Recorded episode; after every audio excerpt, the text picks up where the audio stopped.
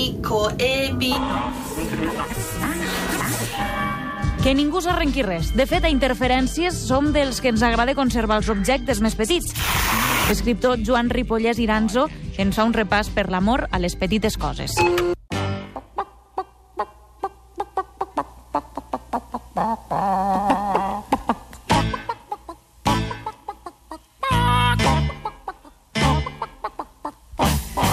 Ens encanta aquesta sintonia, ens encanta tenir en Joan Ripollès, que ja és aquí. Bona tarda, Joan. Molt bona tarda. Escolta, tu fas bona cara, però encara em deuen fer millor eh, gent com Antoni Diatònic, que ens escriu des de Miravet, la Ribera d'Ebre, i ens diu que estan pels bars, ells, eh? que ni, ni en busos ni res, o uns altres, uns que es diuen Guillem o Amic Izquierdo, que diu que estan sucant el moniato al cafè. Això és possible, amics? Des de Twitter ens expliquen aquestes coses. L'amor hi cap a tot arreu.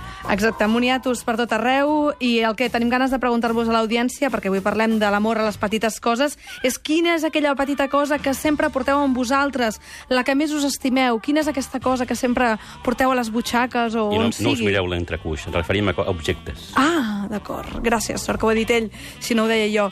Doncs expliquem una miqueta de què va això, de què va, de què va aquest amor in... incontestable als objectes. Aquestes coses senzilles que ens fan molt feliços, o com, com cantava en Serrat, doncs, eh, ens fan plorar quan estem sols, no? Oh. Aquests, aquests petits objectes, aquests records, aquests petits regalets, aquestes coses que portem sempre sobre. Segur que tu en portes alguna sempre sobre. Tens un, un petit objecte, una petita cosa que és la Jo favorita. portava durant molt de temps un rellotge antic, eh? però, però ara no el porto perquè s'ha espatllat. Vaja. Llavors què passa? Que ara he perdut tots els punts, no? No, el, el, el temps, si, s'ha- si, t'ha aturat el temps, en Jodorowsky diria que és per alguna cosa. Doncs és això, perquè m'estic fent jove. Em Semblo Núria Feliu, però només estones. Però, escolteu, amics, uh, hi ha gent que no té tanta sort, hi ha gent molt complicada, i anem a saber, anem a conèixer una història que segur que heu sentit mil vegades, que és la de Pulp Fiction. Sí, no? regals, regals complicats. Regals complicats. Se lo quitarían. Tu padre decía que este reloj te pertenecía por nacimiento. Le cabreaba que cualquier amarillo pusiera sus grasientas manos sobre la herencia de su hijo, así que lo escondió, empleando el único lugar en que podía, su culo. Cinco largos años llevó este reloj metido en el culo. One, two, three o'clock, four o'clock, rock. Five, six. Llocs bonics per guardar coses estimades, eh, amics? Doncs què? Sí, és que aquest es tracta d'un regal heretat. Molta gent té la, la seva petita cosa més, més estimada, és quelcom que, que li ve d'herència. Jo, per exemple, tinc un, un, un xiulet del meu besavi, que era cap d'estació en això m'ho baixador va- al això m'ho vas explicar i vaig al·lucinar, eh? Sí, sí, un És xiulet. com d'aquest. aquella pel·lícula de trenes rigorosamente vigilados. T'has quedat amb el xiulet, és meravellós. Sí, de tant en tant el faig servir quan estic sol a casa. Sí. Per espantar el gat. Perquè vinguin les formigues més aviat, com va això? Sí, sí, sí. Però tu pensa que el rellotge, que tu m'has dit abans, uh Ahà. -huh. hem triat el rellotge perquè el rellotge, que casualment és el, a tu s'ha aturat per alguna cosa, i és que el rellotge, Mhm. Julio Cortázar, explicava que en realitat quan et regalen un rellotge és com una maledicció, és com, com si t'unessin un infern, no?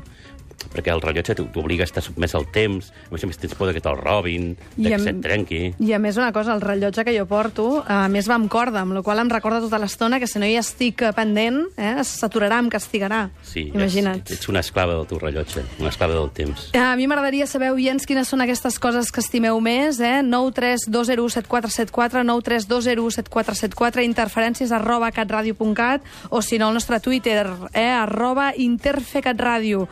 Expliqueu-nos què us agrada més, quins són aquestes coses estimades que aneu guardant. Tenia un amic que portava una gla a la butxaca. Sí, jo, eh, potser algú té un rellotge, ara s'ho està repensant, anava a posar el rellotge i s'ha Ja, ja, ja, s'ha- tirat enrere. Però si fixes, molts d'aquests eh, objectes, aquestes petites coses, en realitat són coses que ens han regalat. Uh -huh. sí, o coses que han regalat algú i que ells se l'estimen molt. No? Aquesta, aquestes modes que venen i van, de, dels fills que et fan una pulsareta, un, un, pel, pel, pel canell. No m'hi olvides, ni deia, Sí, no amb, aquestes, sí, no- amb, no aquestes, amb aquests sí. braçalets. Sí, o, o els anells de compromís, que és una cosa molt socorrida. I no és estrany, per suposat, que ens estimem totes aquestes petites joies que han salvat a més vides, eh? Sí, que...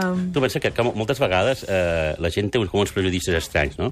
I estigmatitza determinades eh, ètnies, per exemple, no? El, per exemple, el, el poble hebreu, gitanos, diuen, no, és que porten sempre molts collarets, uh -huh. tenen joies, aquestes coses. I això, en realitat, és una, una cosa que si si ho paréssim a pensar ens sentiríem molt culpables, perquè realment hi ha gent que ha estat perseguida durant segles i aleshores si no tenia algun petit objecte de valor amb el qual comerciar quan havia de fugir, com venia un progrom, una persecució, una ràtzia, doncs qui no tenia res per, per vendre-li el, el típic policia corrupte, doncs aleshores no podia passar la frontera i el palaven, no? Aleshores, eh, aquests, aquests petits subjectes han salvat moltes vides i els haurien de respectar més. Joan, eh, sé que t'encanta aquest moment. Tenim una trucada eh, amb don l'Esteve de Vilafranca, que ens vol parlar d'un objecte que potser li va arribar del pare o d'algú. Esteve, bona tarda. Vilafranca del Penedès, potser. Sí. Sí. allò que és una boleta que porta l'escut del Barça, incloent que fa més de 40 anys que el porto a sobre. I de qui era? Aquest Cowie me'l vaig comprar jo Uh -huh. a la primera paga que vaig tenir. I fa 40 anys que el portes a la butxaca. Sí, senyora. I no t'has fet de l'espanyol encara. Eh? No t'has fet de l'espanyol encara. L'espanyol, mira, jo vaig amb l'espanyol, si em permet. O va coincidir amb el, amb el Dream Team, potser. Vaig, quan vaig néixer me'n fer culer. Uh -huh. I és com una manera de recordar-ho, no? I jo no tinc res contra l'espanyol. Ara que sempre els dic els de Can Ràdio, perquè sempre ràdio en si, Uh -huh. sempre ho diré. Molt bé, doncs uh, moltíssimes gràcies pel teu testimoni. Si la gent ens vol explicar doncs, aquests objectes que porta i que li fan companyia de tota la vida, doncs que ho feu al 932017474. Moltíssimes gràcies. Hola.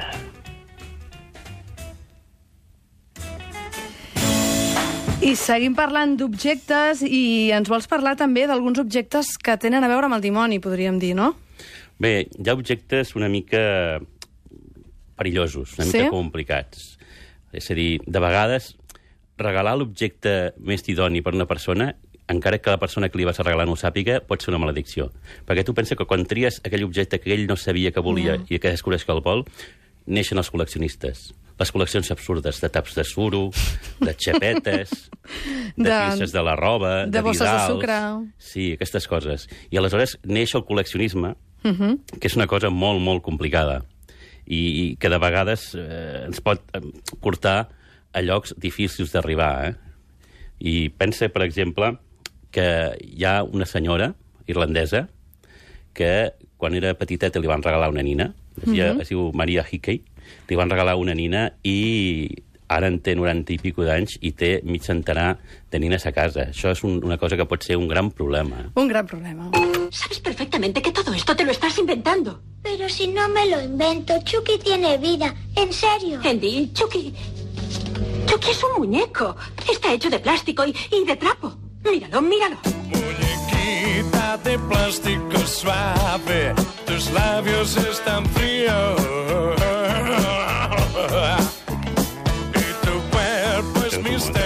Ens encanta, ens encanta l'Orquestra Mondragón i ens encanta eh, perquè hi ha algú que segur que col·lecciona nines inflables, sí o no? Sí. Encara que nines. digueu que no. Les nines, le- les nines de grandària natural, que diria Berlanga, amb aquella gran Sí. pel·lícula que va fer. O fins i tot aquestes joguines tan, tan boniques que le- les parelles guarden el, a les seves tauletes de nit i que utilitzen per donar-se més, més fruïció. Sí? Les joguines són quelcom que col·leccionen tant nens sé de què com, com gent adulta. I, i um, les nines, vaja, de grandària natural, com deies tu, que aquests solitaris doncs, amaguen en armaris Sí, tu pensa que hi ha una empresa que es diu sí? Real Dolls i que Sí? no estem fent publicitat, jo no sóc accionista d'aquesta empresa per res, Ah, però no aquestes, i aquesta, aquesta empresa ven nines molt, de, Mhm. de textura molt real, de silicona valen uns 700 euros i amb 9.000 euros pots tenir una nina que sembla veritablement una persona real, eh? tant masculina com femenina. Eh? Molt bé, mm, això no té res a veure amb allò de Romeu i Julieta, no? Bé, és que Romeo i Julieta, Shakespeare, que era molt intel·ligent, a Romeo i Julieta li feia dir amb Romeu una frase molt interessant, que era «Soc un, una joguina del fat, del destí». Sóc una joguina de la fortuna, aquelles coses. Doncs escolta, uh, quan ens obsessionem amb algun obscur objecte de desig, perdem els papers, això segur que ho podem dir, Sí. perquè d'alguna manera ens fem petits, no? Sí, sí. Com pensa que de vegades, quan ens enamorem tant, quan ens obsessionem tant amb, amb l'amor, deixem de ser subjectes, que és el pitjor que pot passar, i ens convertim uh. -huh. en objectes, en homes i dones subjecte. M'encanta que em diguis això perquè en Jeremies, eh, que ens estava trucant al 932017474, diu que porta la seva dona, el qual em fa pensar que ha cosificat a la seva dona d'alguna manera. Poden ser les el cendres de la Jeremies el tenim, dona, el tenim, el. Jeremies, al telèfon. Jeremies, Oh, hola, de hola. veritat que portes a la teva dona? Què vol dir que porto la meva dona? Tens les cendres, la teva dona, a casa, un, un dia tan assenyalat. No, home, no, home, no. Que animal que ets, Joan. Ja, ja, ja, vostè, ja vostè ja ho sap, eh? que no- nosaltres sempre estem, eh, bueno, la, la Teresa i jo sempre anem sempre molt junts, Ahà. eh, i, i vam decidir que mai, mai no ens separaríem, i, i, i per això la, jo sempre ho dic, el que la, la Teresa cal ser el sí a casa meva també. Mhm. D'on d'aquesta d'on truca manera, vostè, senyor Jeremies? La, la castellà del Vallès, i, i, i he de dir d'una manera rotunda que el, el senyor Ripollès eh, pot dir-ho i testificar-ho, que ell ha estat a casa meva i ell ho Ah, sí, o sigui, sou amics a sobre. Escolta, Eh, eh, disculpi vostè, jo soc, bueno, soc metge seu, eh? bueno, eh, ho he estat uns quants, uns quants anys, i, i a part d'això, doncs, a part de ser un pacient magnífic, molt bona Senyor. Jeremies, jo crec que vostè em confon amb algú, però li he de dir que la seva dona no és un objecte, no és una cosa petita. Això ho pensi-ho, eh, perquè li pot... això, això és micromachisme, eh? el, el, que vostè ja, ja sap, dir, que, identificarà molt bé, és, és aquell anell en el que tots nosaltres, bueno, vam fer aquella mena de... Bueno, la, la Teresa i jo, que, que quan es vam casar, Ahà. i vam, doncs, de- de- teníem les, les nostres aliances a Poi, i, i bueno, la, la, sempre deia, si quan la portes, quan comportis l'anell, el portaràs a mi. I jo el porto sempre a sobre. doncs ja veiem que l'amor l'amor és una manera de portar persones i portar coses al nostre cor. Però Jeremies, sobretot penseu que les dones no són objectes i que Sí. convertir-se en un objecte és molt dolent i ens pot dur per un camí d'amargor. i tant que sí. Jeremies, moltíssimes gràcies. Pero Paz, qué paranoia te ha dado. Tú gorda, lo que se dice gorda no estás. Eres ancha de huesos y has subido un pelín de peso. Vamos, rellenita sí, pero gorda es una exageración. Te pones unos días a dieta y ya está. Como si fuera un calcetín, me pisas todo el día. Estem massa perduts amb les trucades aquestes que tenim eh, tan eufòriques. Eh? Uh, també una oient, la Núria Navarro, que diu M'encanta el teatre i sempre porto a sobre el programa de dansa d'agost, que em va meravellar i em va marcar molt. Mira, és una història bonica aquesta, portar un trosset. Jo portava molt de, durant molt de temps un article de diari que m'havia agradat molt, d'un escriptor i el vaig portar durant molt de temps dintre la cartera. Uh, explico, expliqueu-nos una mica que no ens hem d'arrossegar mai per terra com un mitjó, eh?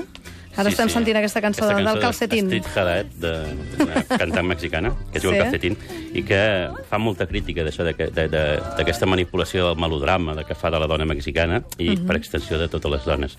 Aleshores, no ens arrosseguem mai, sempre hem d'anar amb el cap alt. Siguem homes o dones, nens que siguem, hem d'anar amb el cap alt, però de tant en tant mirar a terra, perquè hem de pensar que aquestes coses petites que tant ens interessen, eh, que tant estimem, Mhm. de vegades ens les podem trobar a qualsevol lloc, Què dius? per terra, sí, sí. No ho has dit mai, això. Explica'm, explica'm, perquè aquí hi ha una història, no? És objectes arqueològics, per exemple, que s'han trobat a vegades en llocs impossibles i això ha portat a tot un univers, oi? Sí, hi ha una cosa que es diuen els op arts, Uh -huh.